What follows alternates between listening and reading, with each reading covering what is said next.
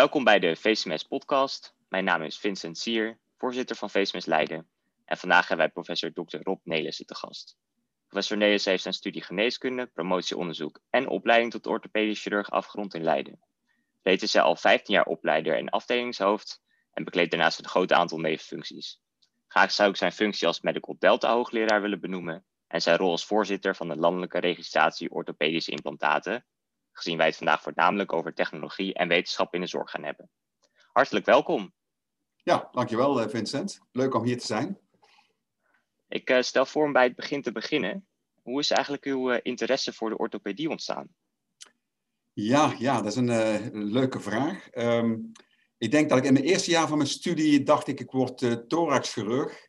Meer toch een beetje het alfamannetjesgevoel. En toen neurochirurg. Maar door die kooschappen en met name door de vaatchirurg zei van, uh, Rob, nou, thoraxchirurgie is eigenlijk relatief saai. Het zijn uh, kleppen en uh, vaten aannaaien en dan heel beperkt. Het was natuurlijk een vaatchirurg die dat zei. Dat was wel interessant. En, ehm, en neurochirurgie viel een beetje tegen tijdens mijn. Had ik mensen van mijn leeftijd, was ik 23, 24. En dan succesvolle operatie, maar dan toch niet functioneel heel goed waren. En de interesse voor de orthopedie ontstond, ik denk, door en het feit dat je baby's te verbeteren. Bijvoorbeeld conservatief met, met, met klompvoetengipsen, als de eerste dag postpartum. Tot met mensen van mijn leeftijd toen, in 25, nu ben ik wat ouder. Uh, mensen van 40 jaar, 50 jaar, 80 jaar. Eigenlijk de hele continuum van uh, het, het mens zijn, van baby tot en met, uh, nee, tot het sterven. Probeert de mensen te verbeteren met kwaliteit van leven. En die mensen zie je ook vaak, vaak terug. Zowel met conservatieve interventies, spalken, gerichte oefentherapie, gerichte leefadviezen, tot en met interventies zijn de operaties. Ik denk dat dat, dat waarschijnlijk de, de reden was. Maar het is moeilijk om dat te recapituleren na zoveel jaar, hoe dat was tijdens mijn studie. En toen dacht ik, ja, ik ga eh, vind ik leuk. In mijn studie had ik al onderzoek gedaan bij de orthopedie, aangeklopt bij de hoogleraar toen, van kan ik niet onderzoek doen? Uh, kon. Zo van het een komt het ander. Ja, ik vind het grappig dat u uh, benoemt hoeveel verscheidenheid zit in de orthopedie. Ik denk dat dat ook iets is wat het beroep heel erg mooi maakt. Um, wat vindt u nou een, een interessante casus waarvan u zegt van dit is echt het moment dat ik dacht dat, dat de orthopedie mij aanspreekt? Nou, ik denk, ja, ik heb niet iets, iets zelfs lichamelijks meegemaakt. Sommige mensen die solliciteren, die zeggen van ik heb vroeger, toen ik 15 was, heb ik een, uh, iets gebroken of toen ik 8 was. Nou, dat was bij mij in ieder geval niet zo. Maar ik denk met name wat ik zei, de, die, eh, de, de functionaliteit van mensen verbeteren. dat is een heel vaag begrip, functionaliteit. Dat is van schaker anders dan voor een uh, tennisser, anders dan voor iemand die aan de lopende band werkt. Maar het feit dat je kan bewegen is essentieel, denk ik zelf, in je mens zijn. Een adagium bij mij is uh, moveo ergo sum. de, Descartes zei cogito ergo sum. Maar als je niet beweegt, besta je ook, ook niet. En als je niet, als je niet kan bewegen, dan zal ook dat, dat hart heb je weinig aan. Een hart zonder beweging, dus je cardiovasculaire status zelfs, wordt optimaal door het bewegingsapparaat. Dus eigenlijk is het bewegingsapparaat het belangrijkste orgaan. Je moet wel een hart hebben wat, wat beweegt en je moet wel kunnen denken. Maar doordat als je niet kan bewegen, hebben die hersenen en die, dat hart heeft ook niks te doen. Dan ben ik een beetje arrogant. Nou ja, of dat nu de trigger is geweest. Het zijn natuurlijk allerlei subjectieve redenen waarom ik ooit koos voor dat vak orthopedie. Ik denk het belangrijkste is volgens mij, nogmaals, van pasgeborenen tot en met mensen van die jong zijn, middelbare leeftijd en ouderen, kunnen verbeteren met allerlei interventies. Hè. Wat, nogmaals, niet alleen operatief. En sommige uh, kan je ook lang vervolgen.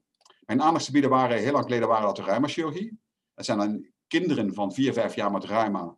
En ook jongvolwassenen met reuma en ook de ouderen met reuma. En die kan je verbeteren door, ja, door iets te doen. En die zie je ook heel lang terug. En een ander aandachtsgebied bij mij zijn die plexuskinderen. Dit, dit zijn obstetrische plexus brachialis. Die ik ook zie vanaf geboorte tot en met een jaar of 17 zijn. En soms komen ze nog terug als ze 25 zijn. Um, en door die reuma-chirurgie had ik wel veel te maken met implantaten. En dat is dan weer die technologie. Maar ik denk technologie losstaand van het wezen van het mens zijn. Die wordt een beetje ethisch. Is niet goed moet als dokter moeten wij die mens verbeteren, proberen te verbeteren in zijn dysfunctioneren, dus optimaliseren in zijn functioneren, met andere woorden. Ethiek speelt een heel belangrijke rol. Het gaat niet om die afwijking, het gaat om hoe kan je die, meneer Jansen, mevrouw Pietersen, of een kind, Jan, Piet of Klaas of Petra, Hoe kan je die verbeteren in zijn functioneren? En dat, ik denk, misschien was dat wel de reden dat ik dacht van, hey, orthopedie is een heel mooi vak. Naast het technologische, eh, operatieve. Maar dat is maar één facet. Ik ben nog steeds blij op zijn poli. Gisteren had ik een poli.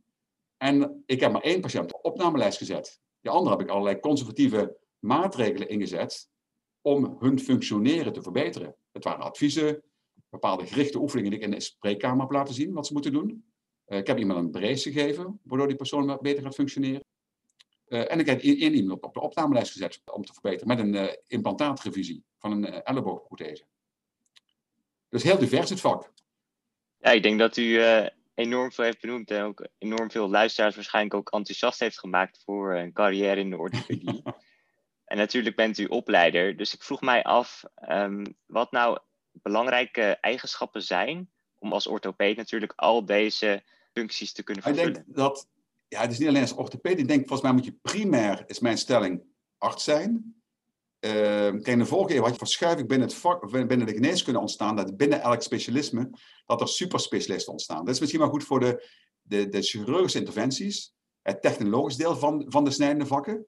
Maar ik denk dat je in, in eerste instantie generalist moet zijn, in eerste instantie arts zijn. En toevallig ben je dan superspecialist in mijn vak dan, in die UMC's helemaal. Wij doen geen kruisbanden, geen meniscuschirurgie. Hier op de afdeling zijn we, we zijn het grootste botkankercentrum van Nederland. Ik doe de zenuwletsel samen met de neurochirurgen. En we doen veel geïnfecteerde implantaten. Dat zijn wel rare dingen. En kinderorthopedie. Dus ik denk um, dat dat... In eerste moet je, moet je dokter zijn, arts zijn, generalist. En dan kan je nog verdiepen in een klein deelgebied. Maar dat kind met een zenuwletsel, of die patiënt met reuma die jong is, een kind of een jongvolwassene of iemand van mijn leeftijd, uh, moet je nog steeds kijken, wat kan ik doen om die, die totale mens, een beetje holistisch, die mens te verbeteren. Als je reductionistisch kijkt, alleen maar naar die afwijking als dokter, is niet goed. Die afwijking die iemand heeft, een tumor, of ergens pijnklachten, of ergens artrose, dat, dat, is dat moet je wel behandelen, maar je moet dat wel zien in het grote geheel van het mens zijn. Klinkt een beetje esoterisch, maar zo moet je werken als arts. Toen ik jonger was, jouw leeftijd, dacht ik van, ik ben orthopedisch chirurg. Maar hoe ouder ik geworden ben, ik voel me ook meer orthopeed. Want behalve het opereren, kan ik allerlei andere adviezen geven aan die patiënt om toch optimaal te functioneren. Dus ik denk een orthopedisch is een beter, betere dokter dan een orthopedisch chirurg. Want orthopedisch chirurg zijn is te reductionistisch met betrekking tot datgene wat je doet ik ben er ook belangrijk dat ik die operatie-indicatie stel en ik ook de operatie doe. Ik zou het niet goed vinden dat de ruimteloog zegt van ga maar heen en ga opereren. Dat zou niet mijn ding zijn. Dat is, en dat is helemaal geen waardeoordeel. Het is meer een zijnsoordeel. Bij sommige vakken is natuurlijk een ander specialisme indiceerd voor een operatie bij het ene specialisme. Sommige mensen zijn er blij mee, dokters. Ik zou het niet prettig vinden. Hoe komt dat? Omdat je tijdens die technologische interventie kan je ook complicaties krijgen. Ik heb net een anderhalf uur gesproken met de familie van iemand die overleden is door een goedaardige tumor. En dat is een, heel invoelbaar geweest, die complicatie, maar met de familie gesproken. Niet, uh, ook niet vermijdbaar. Iemand die onverwachte longembolie kreeg, ondanks de antistolling. Dat kan gebeuren, ook bij relatief jongere mensen. Dus daarom denk ik ook als je de indicatie stelt en je doet die operatie, dan kan je ook makkelijk met die familie praten hoe dingen gebeurd zouden kunnen zijn. Dan kan je niet zeggen, ja, ik heb de indicatie niet gesteld, ik doe alleen maar het trucje. Uh, ik denk ook zelf dat, dat een, een, een medisch specialist die een operatie uitvoert, een snijdend specialist, is, die operatie is misschien wel vergelijkbaar met een New England artikel, zeg ik altijd, naar de internisten toe. Het is niet zo dat wij zomaar iets doen. Het is geen trucje. Het is een hoogstaande technologische uh, interventie die we doen, die goed uitgevoerd moet worden. En dan moet je wel getraind worden. En dan moet je een continu feedback krijgen. En in de academische centra doen wij dingen die één of twee keer per jaar voorkomen in heel Nederland. Daar zijn wij voor. Dat is ook leuk voor zo'n academisch centrum. Ik zie het als één grote speeltuin om het vak nog beter te maken. Ik zou waarschijnlijk niet helemaal goed optimaal kunnen functioneren in uh, continu hetzelfde doen. Hè? Weer een heup, weer een knie, weer een schouder en weer een kijkoperatie. Dat, is heel goed dat mensen dat doen. Maar dat zou niet mijn cup of tea zijn. Daarom vind ik het academisch werk leuk naast het hele speciale. Bij de zenuwchirurgie zijn we de enige centrum in Nederland samen met de neurochirurgie. Er is geen ander centrum. Die botkanker zijn vier centra. Dat zijn dan drie andere collega's. En daarnaast kan ik ook nog onderzoek doen. Om het te verbeteren. En als je weer naar de technologie gaat, dan is het leuk om verbonden te zijn aan de TU Delft.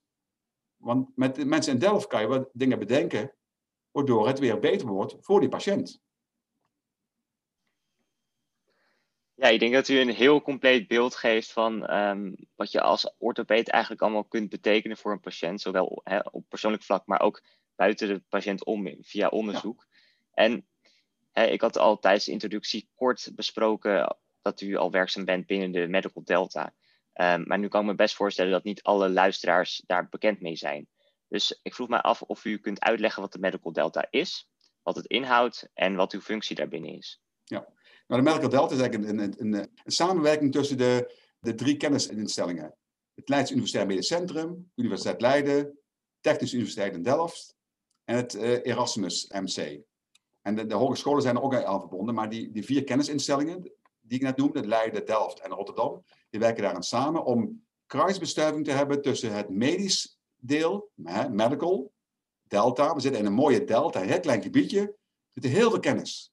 Want tussen afstand, ik ben 18 minuten met de trein van Leiden Centraal naar, naar Delft. En dan pak ik de fiets, ik kan lopen. 10 minuten lopen ben ik op de, op de campus, uh, 3ME, daar ben ik aan verbonden.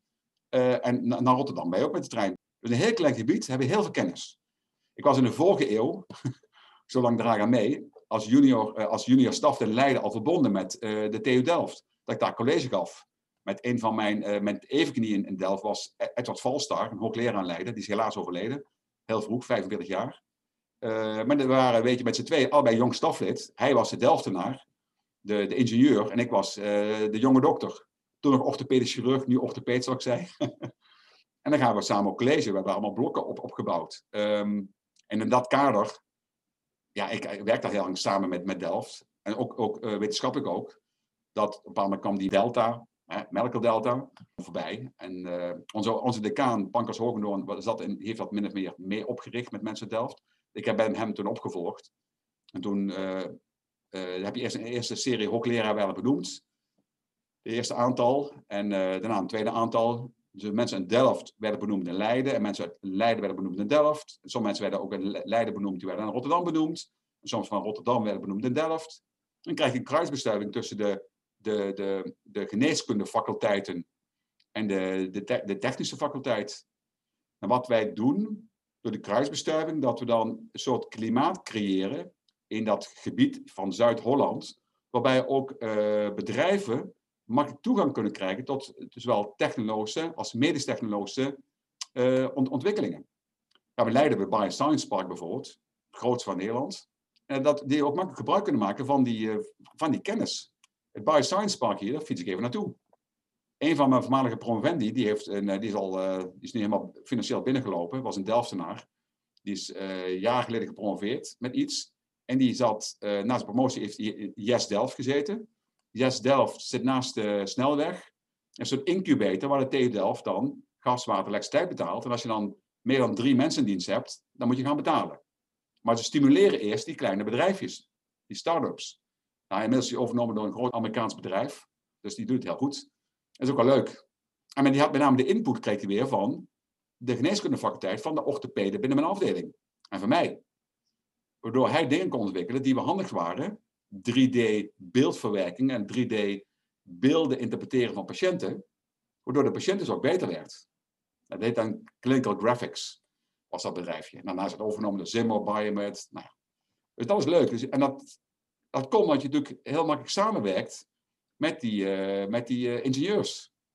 Ze vinden ons de witjurken en zij zijn de sleutelaars, de fietsenmakers. Dat is een beetje leids, maar, uh, maar dan krijg je wel een leuke kruisbestuiving. Dat stimuleert dan uh, Medical Delta. En dat zijn dan die raden van bestuur zit erin, college van bestuur van uh, TU Delft, college van bestuur van de Universiteit Leiden, raad van bestuur, decaan van het LUMC en raad van bestuur van het EMC. En dan zit ik in de programmaraad en de wetenschappelijke raad. Om de zoveel tijd hebben we dan ja, bijeenkomsten. En we bijvoorbeeld Improving Health with Technology is dan een belangrijk thema. Dus orthopedie speelt daarmee, beeldverwerking, AI, gebruik maken van hele grote datasets, hoe kan je dat inzetten in de patiëntenzorg? Dat zijn hele leuke, leuke dingen. Ja, mooi om te zien hoe zo'n project eigenlijk kan leiden tot een hele carrière. En zelfs, hè, zoals u zegt, al uh, misschien wel uh, overname tot een enorm bedrijf. Ja. Ik vroeg me eigenlijk af, wat voor projecten lopen daar nou uh, binnen dit thema, dat u zojuist benoemde? En hoe stimuleert LUMC dat? Uh, nou, financiering dat is altijd heel lastig. Er zijn, er zijn wel uh, een aantal postdocs die worden dan betaald. En het is meer om die dan te laten samenwerken in verschillende thema's. Waarbij het LUMC, Erasmus MC en TU Delft samen een project hebben. Maar één postdoc is, is ook onvoldoende. Maar dat, dat is bedoeld als een soort aanjager om dan die uh, subsidies te schrijven. Los daarvan vinden we nog steeds, uh, schrijven wij zelf ook subsidies. En die ingebracht worden in zo'n in zo'n thema. Eén thema waar ik in zit is, is dan 4D. 3D ken je, 3D iets. Maar als je de tijdsfactor erin stopt, heb je nog 4D. Dan heb je een van de nieuwe hoogleraren binnen de afdeling. Was al hoogleraar aan Delft, Amir Zatpoer, een hele slimme ingenieur.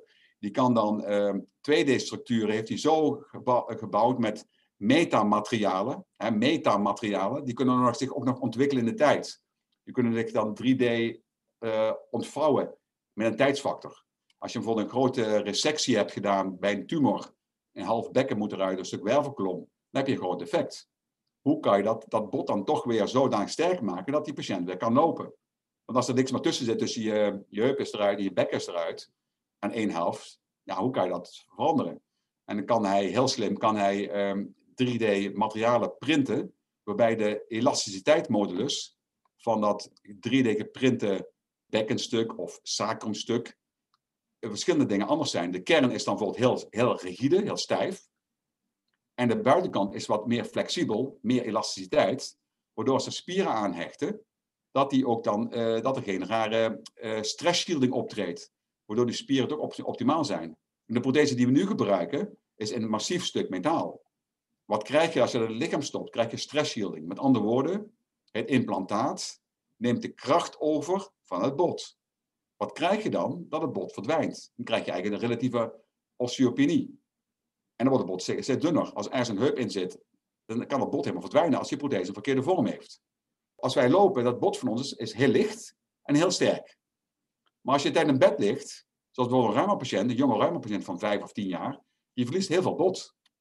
Maar als we daar een, een, een, interventie doen, bijvoorbeeld een heupprothese plaatsen, ook bij kinderen kan dat, bij 16, 17 jaar, kunnen ze wel lopen. Wat krijg je dan? Wordt dat bot sterker, worden spieren sterker. Nou, alleen het nadeel van implantaten is, als ze niet goed zijn, en dat was in de jaren 80, had je hele grote rigide implantaten, dan zijn ze zo groot dat het bot ontlast wordt. Wat krijg je dan? Dat heet dat stress shielding. Dat betekent dat het bot steeds dunner wordt. En als dat er dan heel lang in zit, na 10 jaar, 20 jaar, kan dat bot weer breken.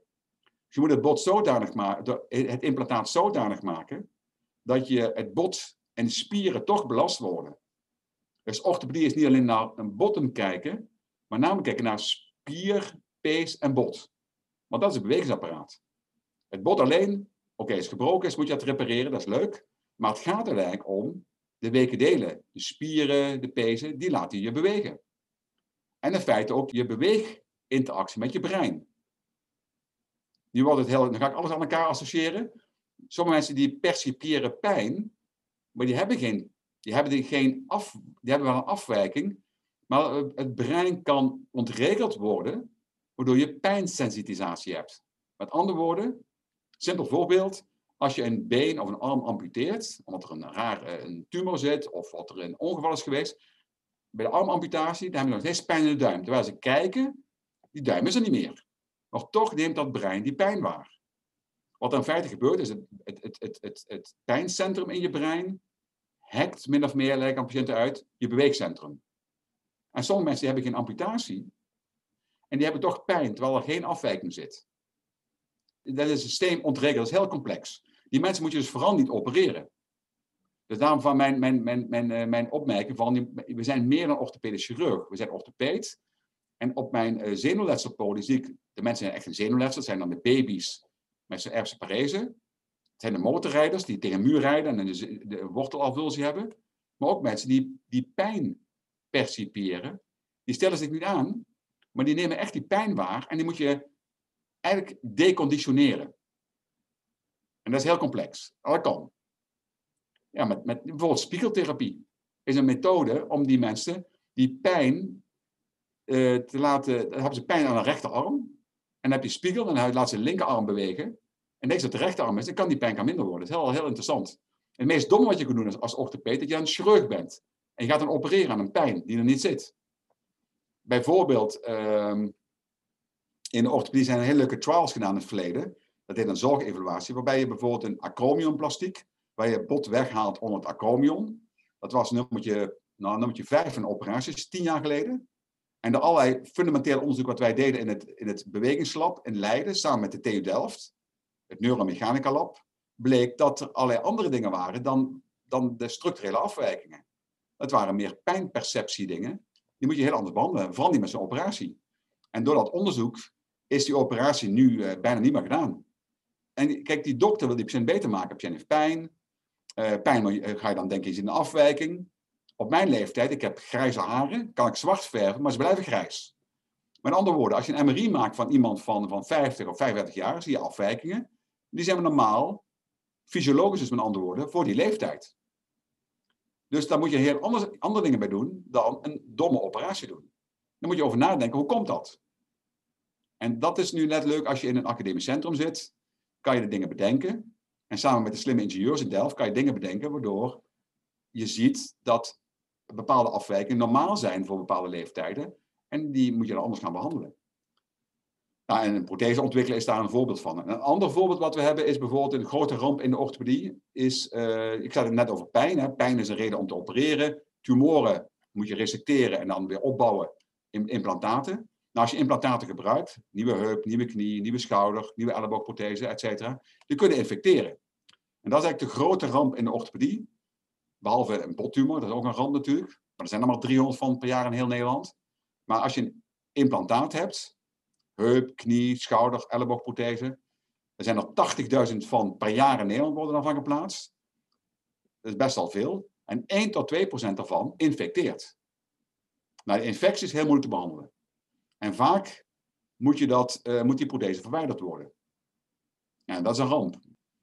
En hebben we hebben bedacht, misschien kunnen we dat anders behandelen dan met antibiotica. En verwijderen, misschien wel met inductie. Een technische uh, modaliteit. Dus die, uh, die bacteriën grillen. Door een hoge temperatuur te creëren. Maar dat hebben we samen met Bart Pels gedaan. Bart Pels is een van de orthopedische chirurgen van de afdeling. Um, en die uh, nou, hebben bedacht, we hadden dienst, een jaar of zeven geleden. Hebben we tijdens de dienst op zondag, kan me herinneren, bedacht, misschien is dat wel iets dat we anders moeten behandelen.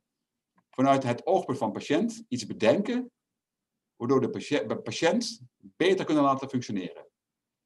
En daar hebben we nu heel veel mooie subsidies binnen. Uh, en dat is, ja, dat is leuk. En dat komt omdat je in een UMC zit en we werken met ja, techneuten samen. En dan bedenk je die dingen. Hoe komt zo'n uh, relatie dan tot stand? Want ik kan me best voorstellen dat jullie dus inderdaad uh, op zo'n zondagmiddag ergens met een probleem zitten. Denken van, hè, daar moeten we iets aan doen. Hoe komen jullie dan in contact met... Ah, in dit geval is het helemaal geluk. Eigenlijk, Bart is best wel handig. Bart heeft zelf het apparaat gemaakt zelfs. Hij heeft een heeft een stukje, hout heeft hij elkaar uh, gezaagd. Dan heeft hij een uh, koperdraad gekocht en dan een stoel meegemaakt, waardoor je een veld krijgt, een inductieveld. Dat apparaat heeft Bart zelf gemaakt. Het is best wel, is best handig. En daarna zijn we pas naar Delft gegaan eigenlijk. Maar dat heeft hij echt, echt chapeau voor Bart Pels. Dus orthopeden moeten met name creatief zijn, of nee, wetenschappers. Ik denk een voorwaarde om een wetenschapper te zijn, of een klinisch wetenschapper, laat het zo stellen, uh, jij moet ook creatief zijn en soms ook handig. En dat bouw je dan thuis, in dit geval. Toen hebben we een uh, inductiekookplaat. Heeft hij al elkaar gehaald. en uh, zo is het gemaakt. Dus hij heeft hele technische dingen hij zelf gemaakt. En daarna zijn we pas naar, Delft gestapt. Kijk, de ingewikkelde dingen zoals 3D-printing, de, de, de implantaten zodanig printen met, met metaal, waarbij je verschillende elasticiteitsmoduli hebt in dat implantaat. Dat is Amir. Dat is ingenieur, is, is hoogleraar uh, biomaterials, orthopedic implants in Leiden. Ja, dat, dat, dat, heb je echt die technische kennis nodig. Maar soms als je handig bent, in dit geval. En natuurlijk hebben we een patent aangevraagd, nu wordt het natuurlijk doorontwikkeld, dat we iets hebben wat ook wat veilig is met allerlei proeven. We hebben subsidie weer gekregen, eerst een uh, high risk, dus een zon en wee, off-road heeft hij gekregen, dat is high risk van de zon en wee. Uh, een VENI heeft hij gekregen, dat is allemaal heel leuk. En uh, nu met dagbak gaan we dingen met, met, met, met proeven doen. Dus dat is enerzijds dus zelf handig zijn en creatief zijn en slim zijn. Uh, en gewoon een relatie zoeken. Ik denk dat wetenschap ook Als je alleen maar op een kamertje zit, is niet voldoende. Je moet ook sociale gaven hebben. Ik zeg, uh, science is a social entity. Als je geen connectie kan maken of contact kan maken, kan verbinden met andere woorden. Samenwerken is wat anders dan verbinden. Mijn, mijn idee is altijd, je moet met name verbinden en je moet kansen zien natuurlijk. En door die creatie, door het verbinden, en ook zelf slim zijn natuurlijk en handig, krijg je die, uh, krijg die verbinding ook. En je moet dingen, de mensen ook dingen kunnen. Soms is hij in de lead, soms ben ik in de lead. Zo werk ik samen. dat vind ik prettig. Het is niet zo van, ik ben uh, de professor en daar moet en zal ik laatste auteur zijn. Sommige mensen werken wel zo, maar dat, dat werkt volgens mij niet verbindend. Maar dat is mijn, hoe, hoe, ik in het leven sta. Het is meer een, uh, iets filosofisch dan dat, je het, uh, dat dat het, de manier van samenwerken is. En anderen doen het anders. Wat ik me eigenlijk nog afvroeg is, hè, dan hebben we dus inderdaad dat idee en dus ook het technische aspect gereed. Um, maar hoe gaat dat idee en misschien ook wel hè, de, dat idee en de functie daarvan, hoe wordt het dan vertaald naar patiëntenzorg en wordt het vertaald naar de ja, operatiekamer? Nou, dat, dat, dat, is een hele goede. Dat is vaak een heel lang proces. Want ik, ik zie die patiënt die ik opereer, zie ik zelf terug. En daarom zal ik misschien wat, ik denk dat orthopeden in ieder geval, daar kan ik wel over meepraten, best wel conservatief zijn. Misschien wel conservatiever dan de patiënt. Dus niet operatief zijn. Want we zien ook de beperking van ons vak. Uh, en die patiënt zie je op je spreker terug. Daarom is het ook wel goed om zelf de patiënten terug te zien. En dan zie je ook wat, wat jij bedacht hebt om te doen, die kwaliteit van leven, wat eigenlijk heel vaag is, of dat ook wel gelukt is. Als je iemand opereert voor pijnklachten in een, in een schouder, een pols, een knie of een heup of een rug, en die pijn is, is weg, maar ze hebben daardoor functionele achteruitgang, of ze hebben zelfs nog meer pijn, wat kan na een implantaat, is eigenlijk de insteek niet goed geweest bij de indicatiestelling. Dus als je een nieuw implantaat bedenkt, weer terug naar het implantaat, jouw vraag even. Dat implantaat heb je, bedoel je om die patiënt beter te maken, maar dat gaat niet altijd goed. Dus daarom denk ik ook wel goed is dat het in deze tijdgeest, dat er ook allerlei uh, dingen, dingen opgeworpen worden om te voorkomen dat je ellende creëert voor die patiënt. En een heel mooi uh, acroniem, dat is Jan van den Broek, voormalig ook leraar uh, epidemiologie in Leiden. Het, het IDEAL Consortium is dat. IDEAL is dan Innovation, Development, Evaluation, van Analysis en dan Long-Term Follow-up. Dan kijken of dat idee ook wel, wel werkt in de praktijk. Wij moeten e evaluatie doen, essentieel. Want het doel van ons is om die patiënt beter te maken. En soms hebben we daar een blinde vlek voor. Nou ja, heb ik ook helaas. En die wil ik kleiner maken door wetenschap. En daarom is het goed om die wetenschap ook uit te rollen in de snijende vakken. En dat heet dan zorgevaluatieonderzoek. Maar daarnaast doen we nog steeds fundamenteel onderzoek, ook essentieel. Maar wanneer dat fundamentele onderzoek via transnationeel onderzoek in de praktijk komt, dat, daar, gaan verschillende stappen voor nodig.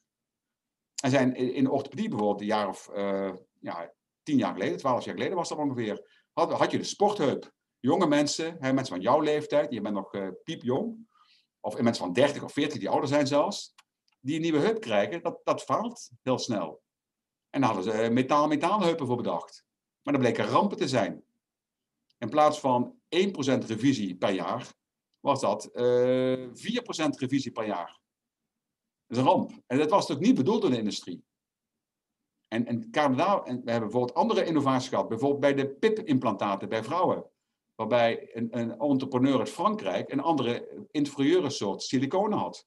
Waardoor enorm veel vrouwen rondlopen met enorme rampen met siliconenafwijkingen. Die teruggevonden kunnen worden, ruggenmerg, eh, ziekte, noem maar op. Of de, de meshes bij gynaecologische operaties die niet goed waren.